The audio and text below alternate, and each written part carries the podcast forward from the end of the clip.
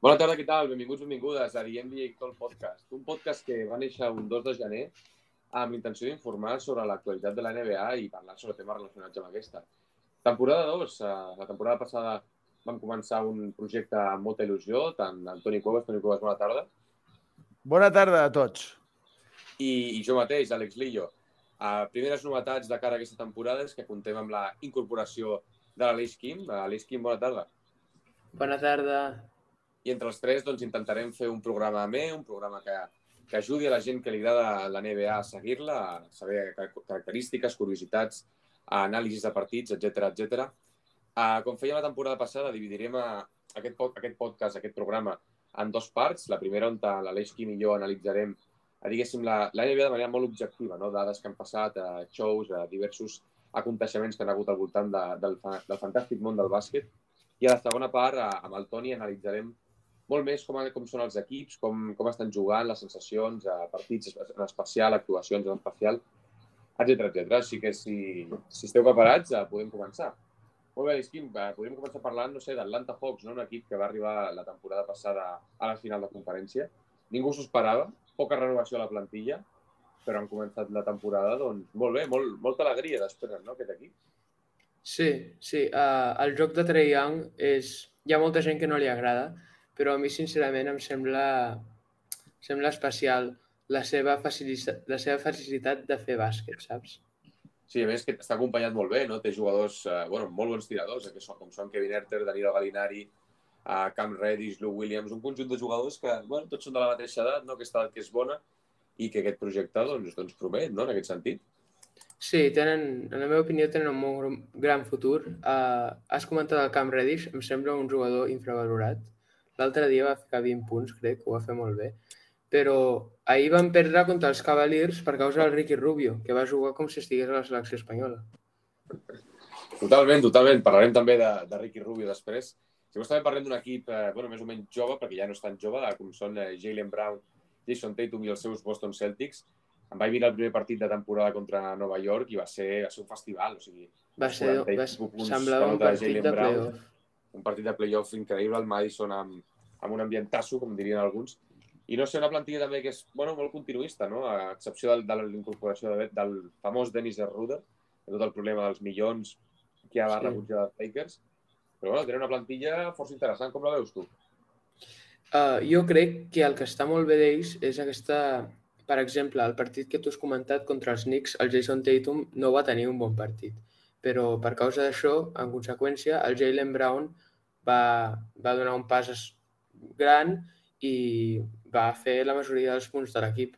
Encara que hi hagin, eh, hagin perdut els dos partits que han jugat contra Boston i Toronto, perdó, contra New York i Toronto, uh, penso que tenen bon potencial. Sí, també ara que comentava això dels milions de Ruder, hem de parlar també dels casos de, tant de Ben Simmons com de Kyrie Irving. Quines coses més rares que passen a la NBA, no? Això de Ben Simmons, Sí. que ara sembla que no, que sí, ara diu que psico psicològicament no està preparat per jugar amb la NBA.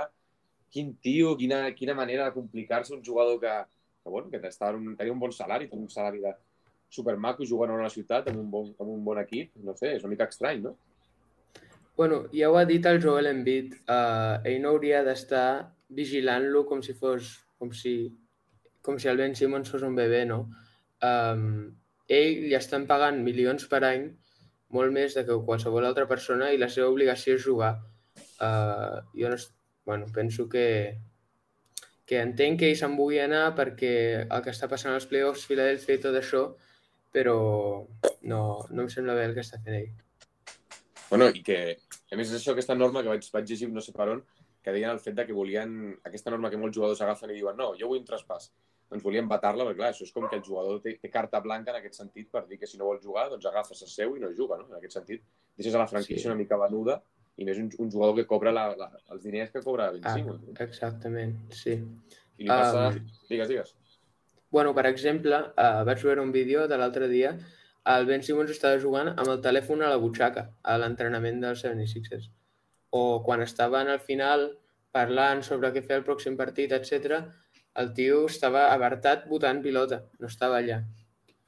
I al final Home. el Doc Rivers el va fer fora de l'entreno.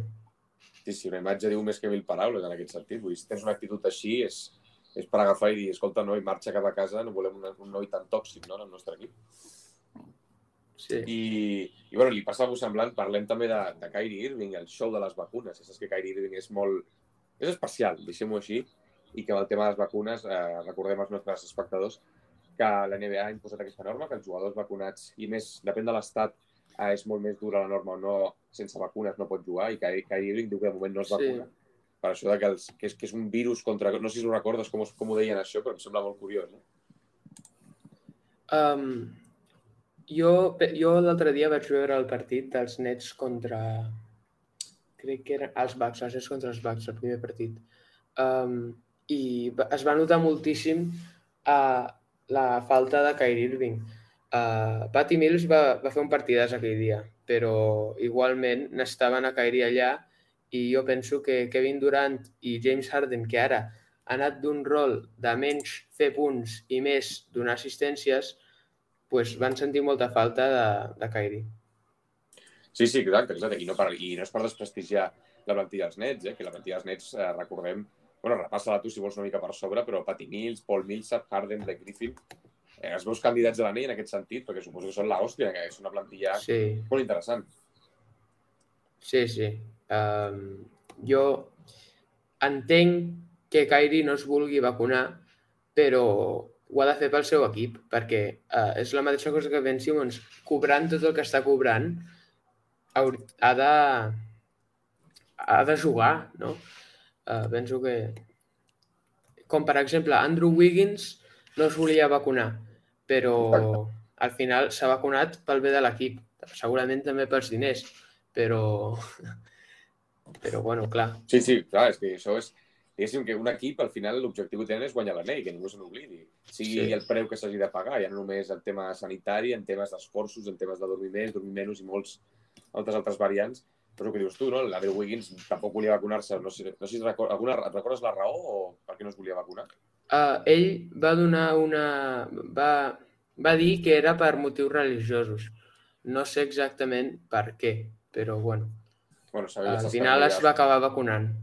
Sí, sí, no, no. Bones notícies pels, pels Warriors en aquest sentit. I de jugadors també d'aquests raros, recordes de, de Dennis Smith Jr., el, bueno, el dunker de Nova York, Dallas, ara està a Portland, no se'n parla d'ell. Sigui, un tio també raro de no. collons.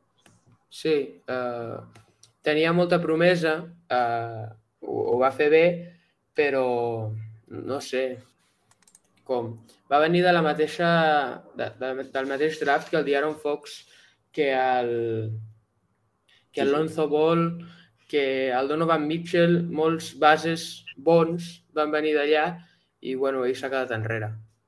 No, I també, un altre, ara que has dit del Diaron Fox, eh, te recordes de Marvin Bagley, un altre boig que té una qualitat sí. que, se, que se li cau la qualitat per les butxaques i que el tio, desconegut, no el coneixem, no sabem on te para, Ara bueno, jo penso... juga amb Michael. Sí, jo penso que el gran problema que hi ha tingut ha estat les lesions. Tant que el primer partit dels Kings eh, no va jugar i està, estava saludable, però no, no el va fer jugar. I jo penso que això segurament vol dir que està venint un canvi, eh, que inclou el Marvin Bagley com, per exemple, el, el ministre de pretemporada, perdó, de, bueno, sí, eh, va donar like a un tuit dient sí. que el Marvin Bagley havia de sortir a Sacramento. Doncs sí. jo penso que... Ah, sí, clar, això, coses això, aquestes. Amb això m'ho dius tot. Són aquestes coses de... Bueno, han hagut molts d'aquests casos, no? La NBA de, de el jugador li dona like, li dona comentari, li retuiteja aquest tuit i coses així. Sí. I a vegades, quan el Rio, quan... Bueno, això, la ditxa aquesta de que quan, quan s'olora alguna cosa, doncs al final, al final acaba passant, no? Sí, jo penso que d'aquí poc veurem un, un canvi. Uh, que sigui Porzingis sortint de, dels Mavericks, que sigui Ben Simmons finalment fora dels 76ers. Però algú es mourà, jo penso. Bueno, I també parlem també d'un cas, un cas bastant semblant, perquè tenim, tenim tela de casos d'aquest estil. Uh, John Wall està una mica en el mateix sentit, no està a Houston, una franquícia que, bueno, que té un d'aquí. Fora de Christian Wood, diria jo que va ser la gran sorpresa de la temporada, no aspiren a res, deixem-ho clar. És un equip que, que bueno, tenim jugadors puntualment bons, però que com a col·lectiu no aspiren a res. Tenim un jugador que jo no sé on te'l veus acabant, però out de, de Houston segur. I, sí, jo penso que John Wall no està en absolut en la, en la línia del temps en què Houston està intentant estar. Tenen el, el Jalen Green, el rookie, el, el Kevin Porter Jr., que són, són persones en promesa, però no estan... No estan no són, com, jo penso que el John Wall no és el veterano correcte per a ells. Potser si anés a un equip eh, que està competint per on ell seria millor per a ell. Sí, sí, totalment, totalment. En aquest sentit estic d'acord. I com aquests casos a la NBA hi ha molts, no? Són aquests jugadors que són, que són raros, no? Que tenen una... pugen molt, pugen molt, guanyen molts calés, eh, fan grans temporades, no? I al final acaben, acaben en res, acaben en desconeguts, no? En aquest sentit. Sí. Uh, jo volia comentar una estadística sobre la pretemporada, que sí, penso que s'ha vist, vist, vist molt um, per la internet i tal, que els Lakers no han guanyat cap partit des de que el Russell Westbrook ha entrat a l'equip, no? I que, i que, bueno, que ah, haurien d'haver canviat per una altra persona i no pel Westbrook, perquè ho està fent molt malament, i que a pretemporada van perdre tots els partits. Volia comentar, ho vaig mirar, i la temporada passada els Bucks i els Suns no van guanyar cap partit a pretemporada. I, bueno, clar, això mostra que la pretemporada és algo que no importa, és només perquè els jugadors bueno, pues, es preparen una miqueta més i tornin a, a l'NBA, diguem, però no és important i no, yeah. no simbolitza com acabaran els equips al final de la temporada. Els Lakers han perdut dos partits fins ara, però jo penso que dir que, i he sentit un parell de persones dir ah, no, no faran els playoffs perquè el Russell Westbrook no, no, està jugant molt malament, no els està ajudant, jo penso que això és exagerar. Bueno, i, i només cal veure, si les estadístiques, jugadors eh, com, no sé, Damian Lillard a pretemporada té una mitjana de 15 punts per partit. Això diu tot. Sí. No és que Damian Lillard jugui malament, és que la pretemporada ens està bé, que surtin alguns joves a fotre un parell de puntets, surtin les estrelles a escalfar una mica les cames, però a part sí. d'això la pretemporada no dona per més. Que ningú, que ningú es pensi que ara les pretemporades defineixen, bueno, com tu has dit, amb aquesta estadística tan, tan interessant, no, no defineix Res, res en absolut. Sí, sí. I no sé, de, de què més podíem parlar? Doncs, què et sembla el tema d'Orlando? No? Un equip que també ara Nicola Vucevic out, ara ve Wendell Carter, Wendell Carter que a Chicago bueno, pues, prometia bastant, no? i ara el veiem aquí. Va renovar l'altre dia, és una franquícia que va una mica a la deriva. Bueno, ara estan amb un altre cop el problema de, de les lesions. Tenen el Jonathan Isaac, que als play-off, que quan estaven a la bombolla, eh, es va fer la mateixa lesió que el Derrick Rose, la, la del genoll, superfea.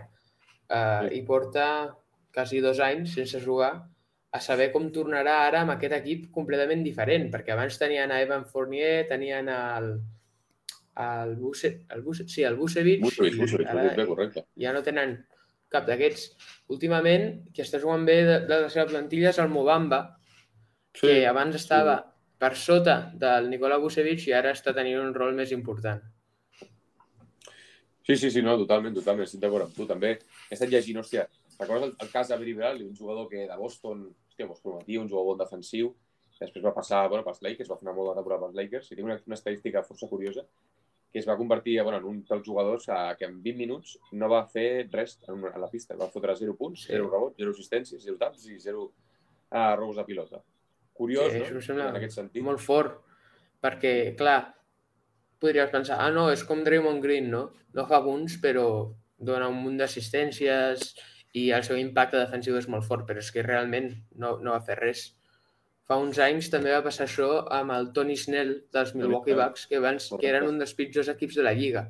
Però clar, ell està jugant amb els Lakers, això no pot passar.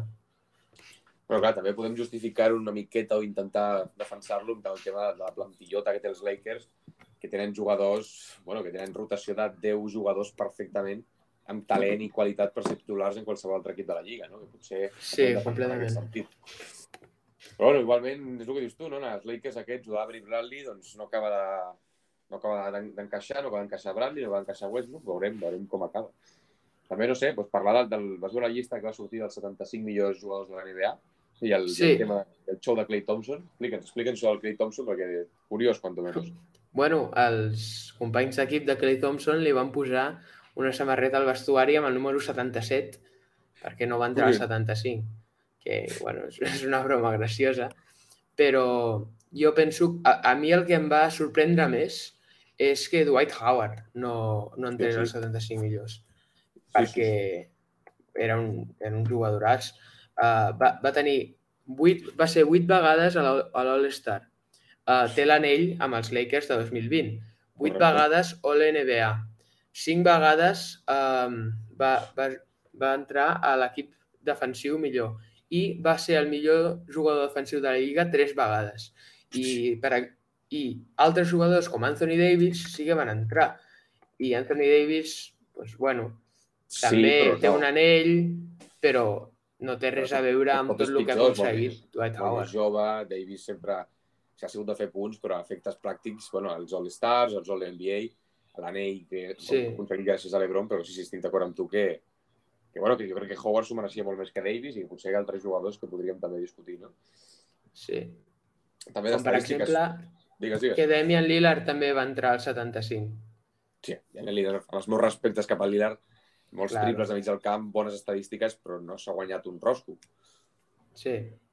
Bueno, curiós, curiós, en aquest sentit bastant curiós. També va entrar Chris Paul, que no sé si ho has vist, que va fer el primer jugador en la història en, en fotre 20.000 punts i donar 10.000 assistències. Déu-n'hi-do, eh? El, jugador, el Chris Paul, 36 anys, quasi 30 ja. Sí. Bueno, gran, gran, molt gran, i el tio segueix jugant com, com si tingués 20. Sí. Uh, jo volia saber, tu què penses de com està jugant el Tyler Hero ara, um, quan, com la temporada passada va haver uns memes que diuen que hauria de jugar a la Xina, que és exagerat, però Sí, bueno, jo òbviament veure- no va jugar bé. Uh, I aquesta a la Lliga- temporada està Sí, fent sí, superbé.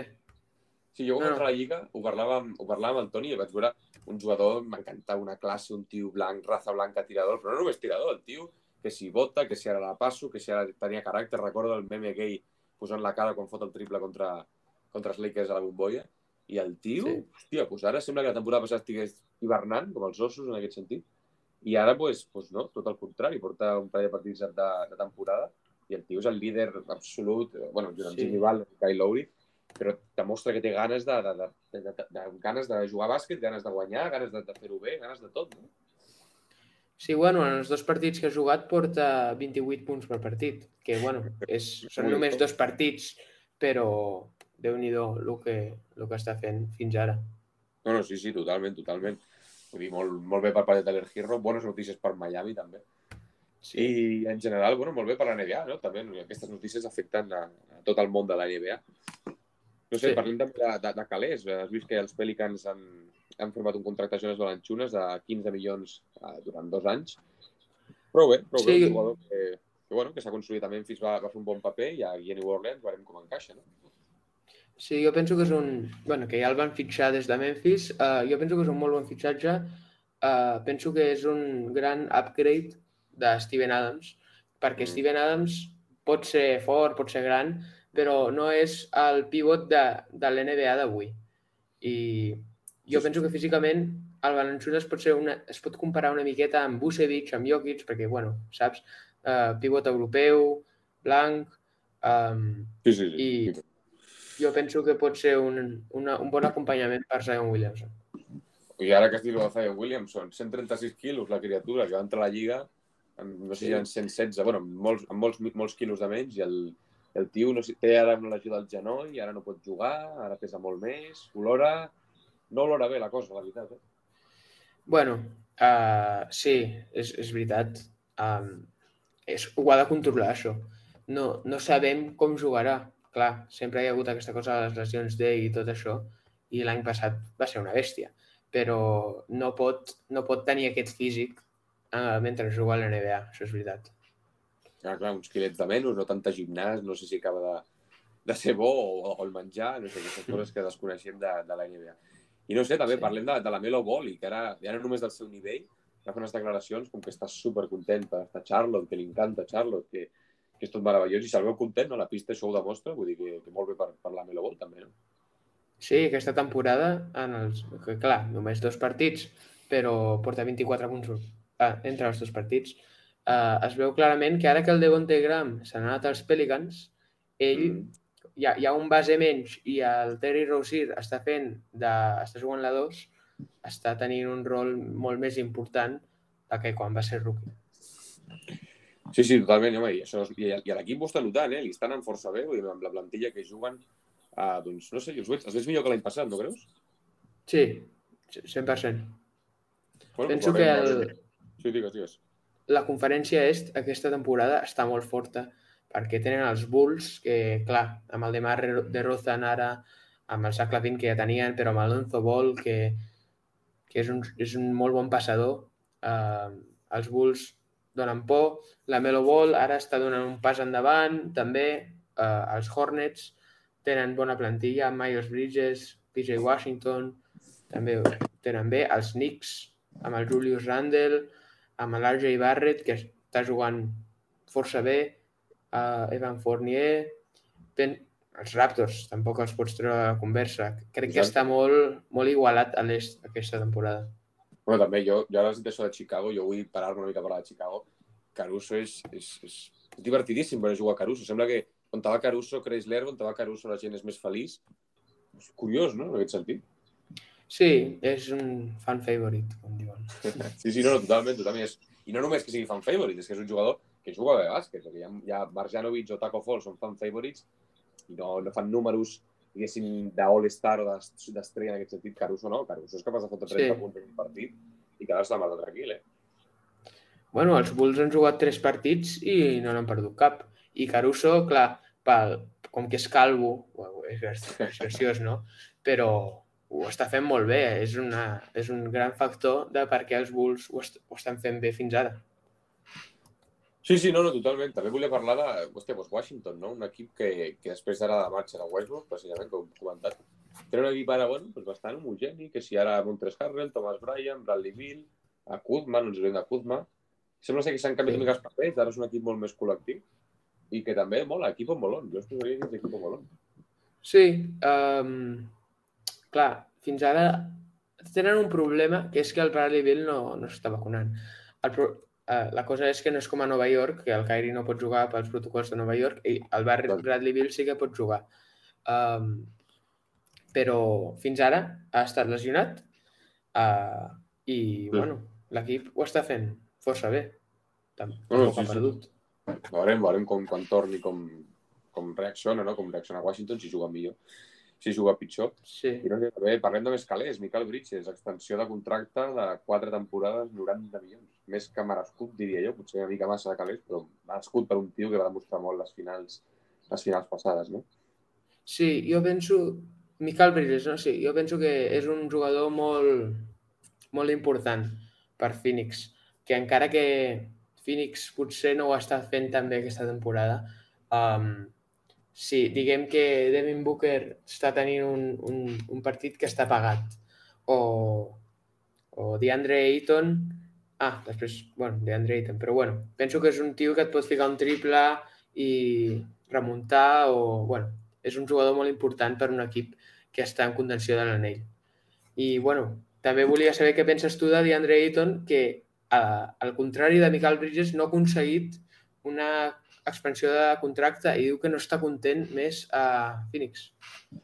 És que jo veig, veig un tio soso, tio. I no sé, hi ha altres jugadors, per exemple, el que et deia de Caruso. Caruso és un tio alegre que jo, jo si fos el general manager de Chicago, jo li pagava els calés que em demanés Caruso. Però a Ayton el veig un tio soso, un tio que sí, que basquetbolísticament és una màquina, que basquetbolísticament pot 30 punts i 10 rebots molt tranquil, però li falta, no? Aquest, no sé, noto que li falta aquest punt d'alegria, no sé, aquest punt de, de Jason Tatum, aquest punt de Donovan Mitchell, aquest punt de- d'explotar, no? de fer un passet una mica endavant i demostrar Sí. que, que, que hi ha Big 3, que hi ha Big 3, o, o, o diguéssim Big 2 en aquest sentit de Devin Booker a DeAndre Ayton i que Chris Paul és un recanvi. Però, Sí. però no sé, li falta, li falta això, li falta aquest puntet. bueno, ja veurem com acaba aquesta situació, però sí, els, jo, diguem que els Suns la temporada passada uh, bueno, ho van fer bé, però els hi passa el mateix que els hi ha passat als Heat als playoffs, que van perdre 4-0 contra els Bucks. Jo penso que si això passa, el DeAndre Ayton el veig fora Suns. Jo. Bueno, algú, s'ha de tocar algú. Clar, Chris Sí. Paul no, no crec que no el pots tocar, ja són 50 milions per temporada que cobrarà.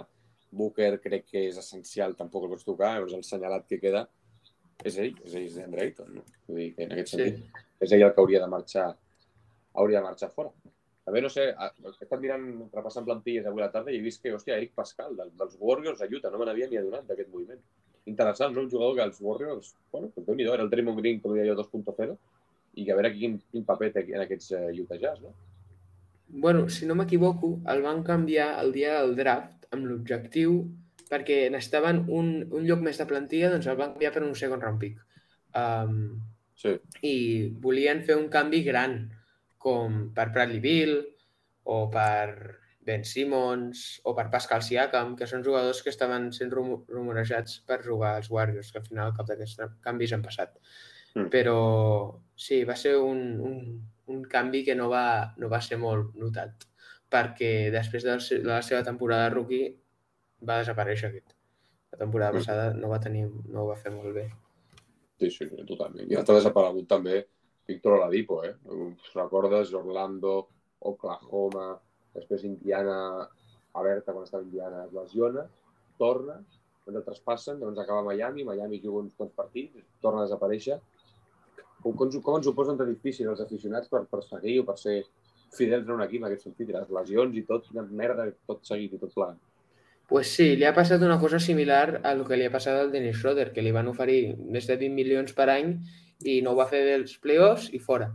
Um, als Pacers li van oferir un gran contracte a,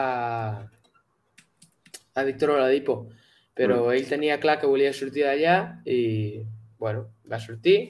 Uh, se'n van als Rockets, en comptes de Kerris, i els Rockets es van quedar a ell en comptes del Carris Levert, que no em va semblar una bona decisió, perquè Carri Levert és un jugador que està més en la seva, com he dit abans, la seva línia de temps. Um, però bueno, van canviar. Um, i això. Sí, sí, com els, com els cromos. Que ja saps que els jugadors al final, al cap i a la fi, acaben sent, acaben sent cromos i, i avui jugues aquí i demà eh, jugues jugues allà i no sé, no sé si tens alguna cosa més a comentar. Jo per mi crec que hem repassat una mica tota aquesta aquesta bombolla de casos i de coses estranyes que hi ha a la NBA. Sí. Uh, però bueno, no sé. Uh, parlem amb el Toni ara. Toni, com has vist uh, aquest inici, uh, de nou torna a paraula, aquest inici de temporada, equips que t'han sorprès més, equips que vols uh, donar-li un toc especial, una mica d'èmfasi? Bueno, uh, bé, he vist aquest inici normal, com tots els inicis. Als inicis sempre hi ha Emoció. Coses, coses evidents que es veuen, encara hi ha moltes, eh, molt, molt armament amagat, encara hi ha moltes coses que han de sortir. Bé, hi ha equips que s'han reforçat manifestament, equips que s'han mantingut igual i equips que han empitjorat. Equips que s'han reforçat i que han millorat manifestament, doncs, tots tenim al cap, per exemple, Chicago Bulls, no? la conferència est.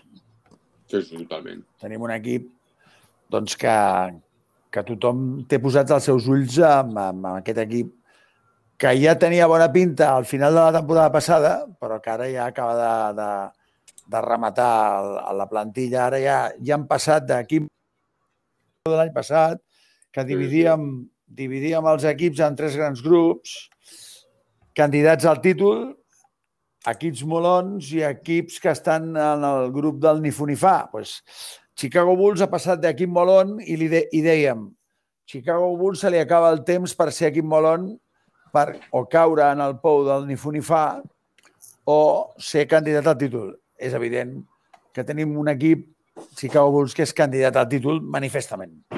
Bueno, I més a l'est, no? Que l'est està una mica descafeinat, sí que està en Milwaukee, Miami... Qui, qui? De qui parles? de Chicago, Chicago que, que és candidat ara potser més que mai no? a, a, a l'est, molt més que a l'oest, que l'oest també està, està molt més dur.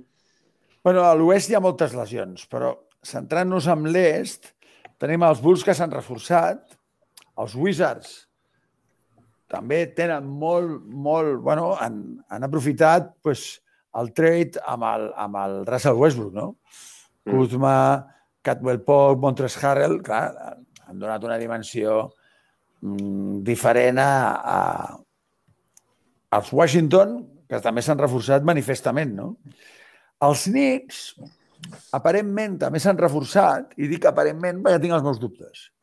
Explica, és evident, s'han reforçat. La pregunta sí. és, què significarà això? bueno, ho veurem. el, la naturalesa dels Knicks l'any passat era una, aquest any amb la incorporació de, De Kemba Walker, no? I de, de Kemba Walker i uh, Evan Fournier, uh, aquesta naturalesa que tenien ha de canviar.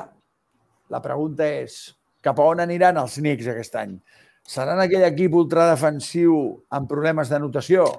Bueno, problemes de notació en teoria no haurien de tenir, No. perquè han incorporat a gent que pot anotar, com el Fournier i el, i el Kemba, no? Però Mm. precisament el, aquests dos jugadors defensivament no són res de l'altre món. I un entrenador com Tom Thibodeau, doncs, la veritat és que no hagués imaginat mai que incorporaria aquests jugadors. bueno, veurem mm, els Knicks cap on van. Eh, no els considero candidats a no els puc considerar candidats a l'anell, tot i que ells potser ho pensin. Mm, No estan a l'alçada d'altres equips que sí que ho estan, no?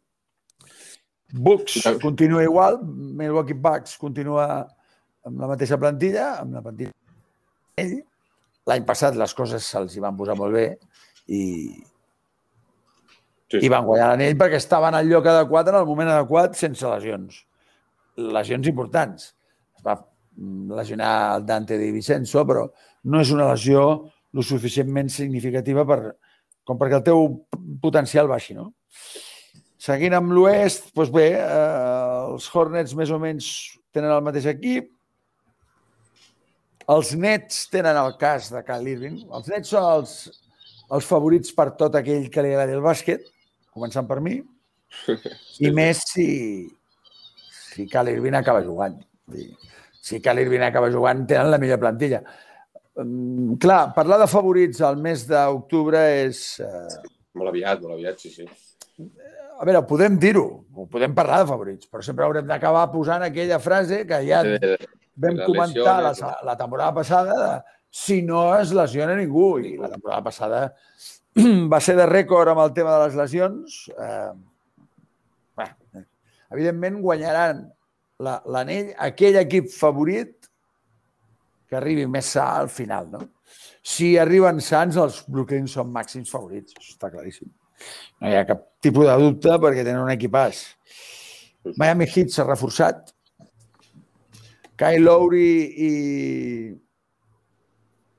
Ajuda'm, que no me'n recordo de l'altre. Bueno, teníem Kyle Lowry, teníem Víctor Oladipo, Butler, Hero, que també ho hem comentat amb l'Alice Kim abans. Però a part del Kyle Lowry, qui més s'ha incorporat? Eh, La resta de la plantilla segueix igual. Marquise Morris, no? potser Kyle Lowry, Hero, Adebayo, Butler, uh, DJ Tucker. El Tucker. Bé, Kyle Lowry i Tucker són dos persones i- dos, eh, que, que, que milloren allà on van, milloren l'equip allà on van. Per tant, això i junt el que ha dit l'Esquim de, del Tyler Hero, aquest any farà millor temporada. Mm, És habitual amb els jugadors joves, això no ho heu comentat i us ho comento jo.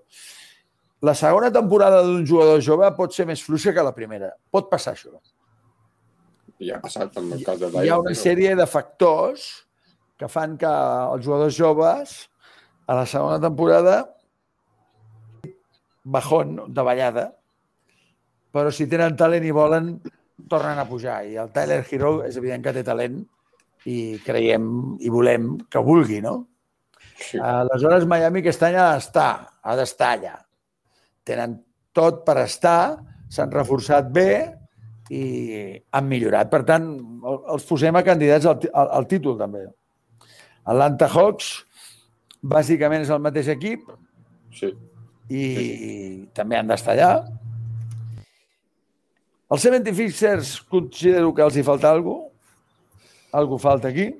I de 75 falta algú que és un jugador tipus Ru Holiday. Ara, ara m'he passat, no? Però, Sí. ah, ah, no, bueno, bueno, però és que els Sixers necessiten algú tipus Ru Holiday quan Milwaukee no tenia que tenien a, tenien el Bledsoe, dèiem, aquí falta algú. sí. Pues, aquest, aquest quelcom l'han trobat amb el Ru Holiday. És evident. Ru Holiday era el jugador que necessitava Milwaukee. Doncs Philadelphia es troba en una situació similar. Li falta un jugador així la pilota i dirigeixi mm, amb, amb més consistència que el que tenen actualment. No?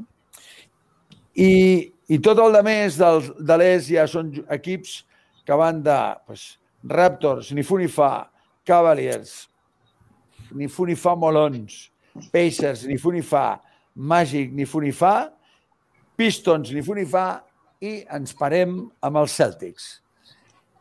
Lo dels Celtics és de màster. En quin sentit? Com es pot fer pitjor? La, la única bona notícia dels Celtics és que tenen a Jason Tatum i a Jalen Brown. Malgrat totes les animalades que puguin fer, ara ha tornat al Horford, això és una animalada, sí. marxés. És una animalada que torni. Uh, Sí. Clar, sempre tindran a Jalen Brown i a Jason Tatum, no? Però canvien l'entrenador, l'entrenador passa a ser general manager. És que si repassem els últims 3-4 anys dels Boston Celtics, és un màster de a veure qui la fa més grossa. I insisteixo, per tant, no són candidats a l'anell, no són candidats, ni, ni molt menys. A més a més, fitxen a un tio estrany. Analitzeu el que ha fet Schroeder, per favor, no heu parlat del, de l'Schroeder. I, Alex Quim, què opines de lo que ha fet Schroeder? Bueno, una mica hem parlat, però um, sí, jo penso que ha estat molt, si em permets, tonto de, de, no, de no agafar els 20 milions que li havien oferit els Lakers. I els Lakers deuen estar super contents de que ell no ho hagi agafat, perquè al final se n'emporta uns 8 milions en comptes dels 27 que li havien ofert.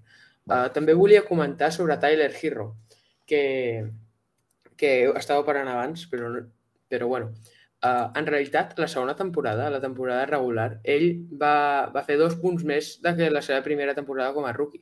L'únic és que, com que als playoffs, els Heat van arribar a la final i ell ho va fer força bé, um, la, la visió que es tenia d'ell pues, era molt més alta del que, del que ell va reproduir a la seva segona temporada. Ja, Molt bé. Però tornant als Celtics, perquè no ens desviem, tu ets de Miami, ets- t'agrada molt Miami, i per això te n'has anat a Miami. Tornant als Celtics, uh, fitxen a un jugador que encara ho ha fet més gros que els Celtics, que és Schroeder. Per tant, a veure, aquest equip a dia d'avui no em mereix cap tipus d'il·lusió ni, ni, ni esperança de res. L'única eh, satisfacció és saber que tenen dos superclasses a la plantilla, que són joves i que quan els astres s'uneixin, eh, els Celtics tindran un equipàs. Però s'han de juntar la sort i l'encert de qui fitxi al voltant de Jason Tatum i Jalen Brown. Sí. Bé, i deixant l'oest, deixant l'est i anant- anant-nos a l'oest, l'oest és, eh, és, és, és, és com un campament de lesionats. L'est és, ai, l'oest és tots els candidats, com poden ser doncs, els Nuggets, els, eh, Lakers, els Lakers, sobretot els Clippers, els tots Warriors, tenen, els Warriors, tots tenen algun lesionat que, mm, bueno, això acaba de començar, ja veurem com està tot. Um, candidats, doncs, els Warriors, el Jazz, Jazz mm, amb un asterisc totalment, no, no em mereixen... Els Warriors, si recuperen a, a, a veure quin Clay Thompson recuperen, els Jazz tenen la mateixa plantilla, els Timberwolves ni fu ni fa, els Nuggets una molt bona plantilla, a veure com, quan recuperen a Murray, n'hi ha per temps encara. sí, sí. Els Grizzlies van a més, és un equip molt on que va a més, comandats pel gran Jamoran, que és més bo del que es diu i del que es pensa. Ho reitero a tothom, perquè és un tio que en fase regular va fer 19 punts per partit i en playoff 30. Això és màster de l'universo. Els Kings, em sap molt greu a l'Esquim, però són del club del ni fu ni fa. Ja ja. Mavericks, els Mavericks estan més a la vora del ni fu ni fa que de res més, de candidats al títol res de res. Rockets, res, ni fu ni fa. Trailblazers, ni fu ni fa totalment. Continuen amb la mateixa fórmula de l'any anterior i no, no fan cap tipus de gràcia. Spurs ni fu ni fa. Clippers sense Kawhi ni fu ni fa. Els Thunder és un equip molt de gent jove. Els Lakers són candidats al títol, i ho dic així perquè és així, no, no, no podem definir-los de cap altra més manera, i això que van últims o penúltims. Sí, sí. I llavors tenim els Pelicans que continuen en la, en la secció dels molons, perquè hi ha un tal Zion que no juga, però que, és, que, que, que, té que ha de jugar quan abans millor, aquest tio que es cuidi ja d'una vegada i que sàpiga que té una, un organisme especial, però bé, no són candidats a res, tot i que han incorporat a un Valenciunes que, en principi, ha de millorar Stephen Adams, mm. però no són candidats. Per tant, a, a l'oest, els candidats queden reduïts a Warrior Jazz amb asterisc, Nuggets, que recuperin quan més aviat millor el Murray, uh, me'n vaig a candidats pues, a, a Lakers. És que la resta, a, a, aquest any veig més potencial a l'est que a l'oest. Toni, et volia preguntar sobre Paul George. Sé que tu no ets molt fan de Paul George, però sense Kawhi ja ho va fer amb els Thunder. Jo penso que és un potencial candidat a l'MVP. Uh... 40 i pico punts ha notat aquesta nit. Bé, sí pot ser candidat a l'MVP. Però el Paul George té tara, perquè quan perd Toli és els playoffs, sobretot. Mm -hmm. Tot i que l'any passat, i és veritat el que dius, amb l'absència del Kawhi, tots els Clippers van fer, van pujar un esgraó, van donar, eh, van donar més. Gràcies a això, el, el Reggie Jackson té un contracte molt més guapo aquest any que l'any passat tots van fer un, un van donar el do de pit i, i van donar més, no? I el, i el Ponçós va ser un d'ells. Um, bé, sí, pot ser un candidat uh, a l'MVP, però els Clippers sense Kawhi no poden fer res. És, eh, és massa important. El Kawhi és massa bo com perquè la seva absència no es noti. Eh, es nota l'absència del Cal als, als, els Brooklyn i els Brooklyn tenen bastant millor equip que Clippers, mm, és que hi ha jugadors que que es noten. Els mateixos Nuggets, malgrat que sembli que no es noti el Jamal Murray, el Jamal Murray es nota. Es nota, sobretot, perquè el Jamal Murray, quan juga molt bé, és quan la situació és molt límit. I quan aquests equips es juguen la temporada són en situacions límit sobretot en època de playoff. No? Um, bé, a l'oest eh, falten massa jugadors importants perquè en aquests moments considero que els màxims candidats al títol a dia d'avui estan a l'est. I dic a dia d'avui perquè la, la temporada és molt llarga, l'hivern és molt llarg, passen moltes coses, l'any passat ja ho vam viure i totes les temporades són el mateix, i, i guanyarà dels equips eh, que són candidats el que arribi al final més fresc i més sencer físicament. Sí, i que ens diran que potser sempre repetim la mateixa fórmula, però és que tristament és així, és el que no es lesioni amb la, amb la com està la actualment, és el que acabarà guanyant, que és així. Bueno, pues, eh, eh, és així. Eh.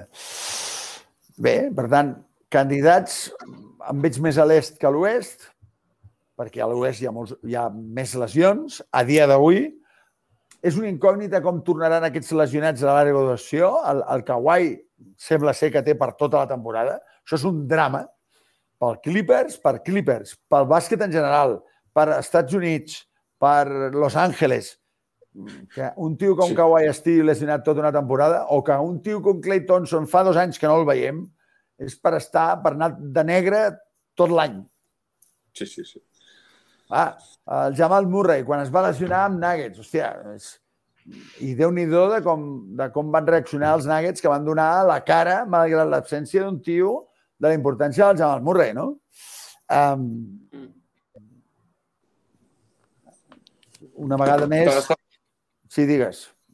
No, no, no, això, això que que Denver en aquest sentit va treure molt, un orgull molt gran, no? També, bueno, l'única l'únic playmaker que tenien era Campazo, que primer any en la NBA i, i Monte Morris, i tot i això, doncs, doncs el soroll que van fer va ser molt notori. Bueno, al moment que es lesiona Murray, deixen de ser candidats a l'anell. No, això evidentment, clar, això sí. Això, això és així, vull dir, és, és que són faves comptades. No? Ells ho saben, però van treure amor propi i van morir en dignitat, no? que és el que es demana a, a tothom. No? I bé, tornem a desitjar que no es lesioni ningú, especialment, i perdoneu que sigui pues, una mica egoista, que no es lesioni ningú, però especialment aquells jugadors que són diferents, que són tan bons, no? Hòstia, que és un drama, tio. Veure, pues, no sé, quan es va lesionar Cal Irving al turmell, amb, amb el Harden, que encara estava lesionat. Eh, el, el Kevin Durant, de cop i volta, està pràcticament sol. Ah, passes de, de, de esperar que torni el, el d'esperar que torni el, en, en pocs dies el Harden per ser ja tota la plantilla a que se't lesioni per la resta de la temporada a Cal Irving, no? Tia, Brooklyn deixes de ser candidat. És que, és que la, la pel·lícula canvia d'un segon per un altre. Per tant, candidats estan clars, bastant clars qui són. Uh, els, els equips de l'est, a hi ha equips, vull destacar com a sorpreses amb, amb les plantilles, sobretot a Chicago, és evident, i uh, a Washington. I a, a l'oest no hi ha cap, no hi ha cap sorpresa. A veure els Lakers si s'aclaren, a veure si el Dwight Howard i l'Anthony Davis foten hòsties al, als contraris i no entre ells, i els Lakers tenen, treuen tot el seu potencial, tot i que no tinc clar que la incorporació de Russell Westbrook sigui la millor idea, no? Perquè allà on estava Russell Westbrook sembla ser que no creix massa l'herba. Ara analitzarem també què passa en Washington un cop Russell Westbrook s'ha anat i s'ha incorporat a tres tios del nivell de Kuzma, Catwell Pop i Montres Harrell. O sigui, si us pregunto vosaltres dos, què preferiu? o a Russell Westbrook o al pack d'aquests tres, suposo que no dubtareu ni un segon. Home, no, no, no, cal ni, no penso ni esperar dos partits a dia, t'ho dic ja. Bueno, pues, això és el que tenien els Lakers l'any passat. Ja, ja, clar, clar. Sí, sí. Vale? Sí, sí. Aleshores, i incorporen a Russell Westbrook, incorporen a, a Carmelo Anthony, un dinosaure, incorporen de nou a Rondo i a Dwight Howard que, bueno, déu nhi eh? No és... Tenen un equip, un, un equip per guanyar l'anell, però no és que hagin fet meravelles. No, Bé, si més els resultats no l'acompanyen. En qualsevol cas, la quantitat de moviments és tan gran, és tan apassionant al món de la NBA, perquè tot està tan organitzat, perquè tots aquests moviments tenen una organització milimètrica, els contractes tenen una duració pulcra, milimètrica, tothom mm, compleix el seu contracte fins al final i quan renoves, renoves per lo que ets i no per lo que has sigut. I això està molt bé. Eh, tothom pot, es pot donar el cas d'un tio que cobra, ha cobrat 25 la temporada 2021 i cobra 3 milions de dòlars la, la temporada 2022 perquè el seu valor de mercat ha baixat. I, i tothom ho entén, començant pel, primer, pel, pel propi jugador, i això és, és una de les coses que fan grans a la NBA, no? Pues sí, sí, totalment. Pues no sé, bon repàs que hem fet aquesta, aquest inici de temporada, no? No creieu? Per mi, bueno, no sé, crec que hem repassat tot. No sé si creieu que hem de dir alguna cosa més. No, penso que ja ho hem passat tot. Bueno, sí, sí eh, digues, digues, Toni. continuar disfrutant dels partits, demanant sí. que ningú es lesioni, o, bueno, això és impossible, que es lesioni la millor, la, el menys nombre de gent possible i recuperar el màxim de jugadors per les plantilles i anar disfrutant del dia a dia d'aquesta competició. Doncs molt bé, doncs moltes gràcies als dos uh, per, per acompanyar-me al podcast uh, d'avui. Ha estat un plaer tenir-vos. A les persones que ens escolten, doncs, també moltes gràcies per seguir-nos. Comencem una segona temporada amb molta il·lusió per tirar aquest projecte endavant. A vosaltres dos us veig el, el proper cap de setmana i doncs sabeu, una abraçada als nostres oients i ens veiem a la propera. Adéu. Adéu, Adéu. nois. Podem seguir parlant que després ho retallo.